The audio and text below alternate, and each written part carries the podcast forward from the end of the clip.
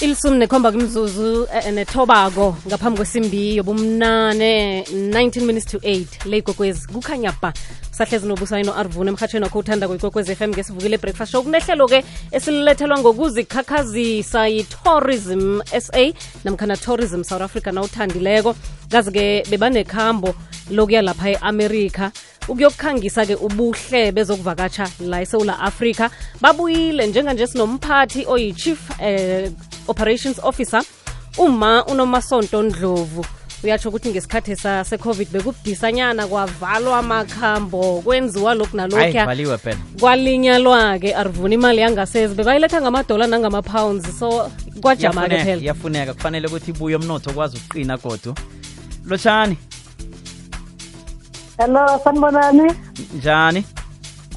Eh ngiyaphinda ninjani? Sivukile. Mm. Ngiyanizwa nikhuluma ngezinye zethu zokuvakasha. I- Niqinisile siyawadinga lamadola ngoba isimo esibuya kusona lesi se-covid besinzima kakhulu mm. so njengamanje siyenza umkhankaso eh, eh across the world ukuthi umhlaba ubuye uzosibona eSouth Africa usiphathela amadola kuyezwakala libe njani ikhambo-ke lokuya lapha e-america Eh Rusane into esiyenzile sihambile sa eAmerica ngokuthi iAmerica i- ileyo eh lelizwe elibaluleke kakhulu kwezokuvakasha eSouth Africa. Kuyimanje ibona abahamba phambili bawu number 1 kuma country wonke lawa phesheya aletha abantu la eSouth Africa. Ngani ngokuthi ngalesi sikhathi kune Omicron iAmerica izange yaze yasivalela. Abanye bavalile kwamanye amazwe kodwa i-america yona zange izi- izi- iziyivale i-south africa isifake kulokhuzana kuleya kuleya kuleya red red list. So ngalokho yajika isiwu-number one um kuthina isilethela abantu abaningi kakhulu kakhulu.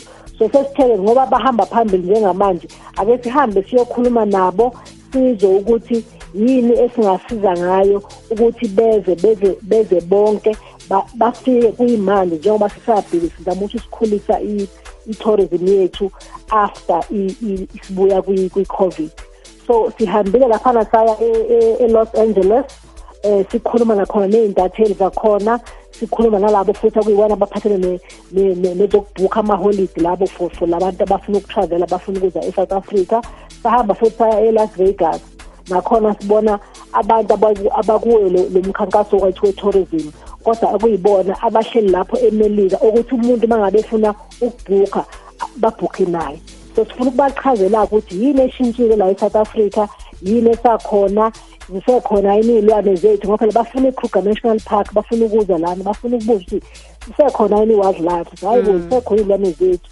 Bafuna nokubuza ukuthi i-south africa abantu bakhona ne-culture nobuhle kusakhona kusenjalo na? So sakhuluma sababonisa ukuthi no yonke into isahamba ngohlobo lwakhona sesibalindile ukuthi bafike. Sayo sayo sayo sayoqedela e-New York nakhona sisahlangana ney'ntatheli zakhona no- na- na- na- nama-airlines. Into ebibaluleke kakhulu ukuthi njengoba kade ivaliwe i-covid um iy'ndiza lezi bezingasakwazi ukuza e-south africa na- nasemazweni amaningi. So manje kuyavuleka kancane kancane. So nabo bekufanele sikhulume nabo sibagqugquzele ukuthi siyacela ukuthi babuye emzantsi afrika. So i-delta airlines ne ne ne ne ne ne ne- ne-united airlines ku- kuezinye iy'ndiza esezinemqondo ukuthi zize la e-south africa. So-ke bekufanele ukuthi nabo sixoxisane nabo ukuthi sibone- sibonakale ukuthi singenza kanjani ukuthi kube lula kubona ukuthi baletha abantu la e-south africa. So uhambo lethu kakhulukazi bona bekuwumkhankaso kakhulu ukuthi siyodayisa i-south africa le e-america iyazwakala eh usatsho njalo nje-ke ukhumbule bona eh phambidlana i-south african tourism ihlome ijima le-life again. Um lamukeleke njani lapha e-america ijimeli okay so lo lo mkhankaso-ke we- we- we-live again uwumkhankaso wokuthi kuyafana nokuthi kulo two years besingasebenzi ngeze-tourism kuvalwe yonke into kufana nokuthi besilele besing- besingekho besingavukile. So sishaye lo mkhankaso othi live again. Uthi vuka futhi vuka ubuyele uphile futhi njengoba kade uphila before ngoba ini i-covid seyihambile. So lo mkhankaso lona wamukeleka kahle kakhulu le e-america. Bawuthanda kakhulu ngoba siyababonisa ukuthi umzansi usemuhle futhi umzansi usenalabantu laba abafana nathi njengoba silana ukuthi si-ready sifuna ukuthi samukele iy'vakashi zethu. So umkhankaso wethu usuwamukele kahle kakhulu. Bese kuthi-ke isihlandla sesibili salo mkhankaso ukuthi sibameme beze la eSouth Africa. Khona manje ngoSeptember kuyoshaya kuMain ngonyaka ozayo. So ke besibamema ke futhi sesicela ukuthi baze bazoyibonela ukuthi lento esiyifake kuma kuma TV advert iyiqiniso kangakanani so yiyo zonke lezi iy'nkulumo besiyikhuluma nabo ukuthi-ke bangagcini besibona ey'thombeni. Ake balethe-ke manje abantu balethe iy'ntatheli balethe i-trade lekuyiyona eyenza ama-bookings. Kuze wonke umuntu bazosibona-ke manje ukuthi sisahamba ngalolo hlobo bekuhamba ngalo nangaphambilini mm.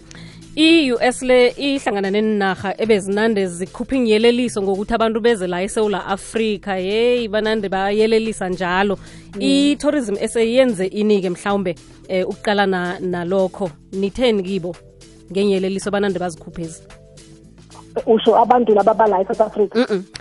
Inarha ye-US beyinandi ishuwa um ama-warnings mhlambe ngokuvakatshela isewula africa okay. Mm. yeah angithi-ke ama-warnings lawa babewa-ishuishe kudala njengoba wonke amazwe ayesivalele ngaphandle ukuthi amukho umuntu okwazi ukuya kwelinye ilizwe kuvaliwe ngalama-regulation.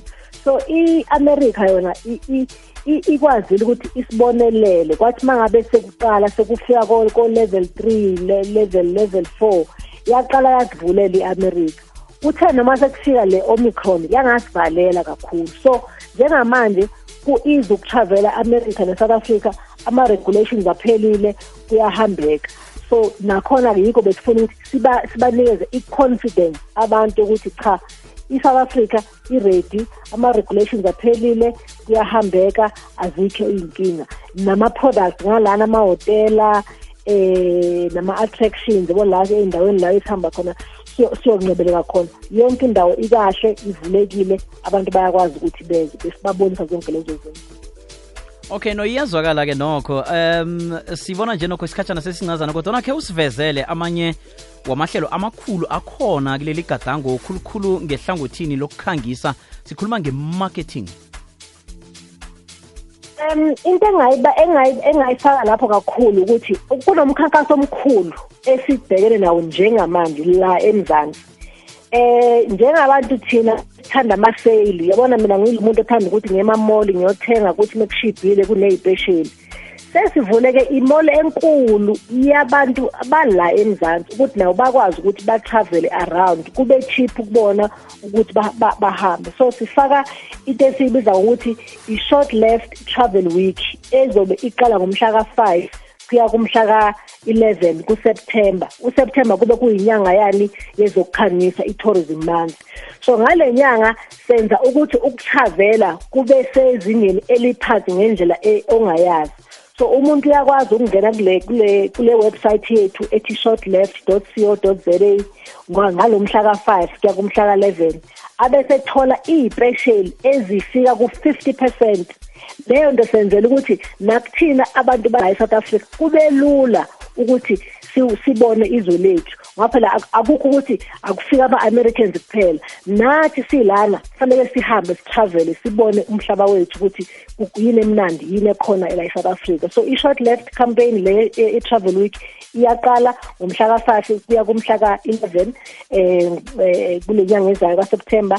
And sicela ukuthi wonke umuntu ofuna ukuthi abhukhe iholide lakhe likadisemba aqale manje ngoba uyakwazi ukubhukha manje ngoseptember bese utravela.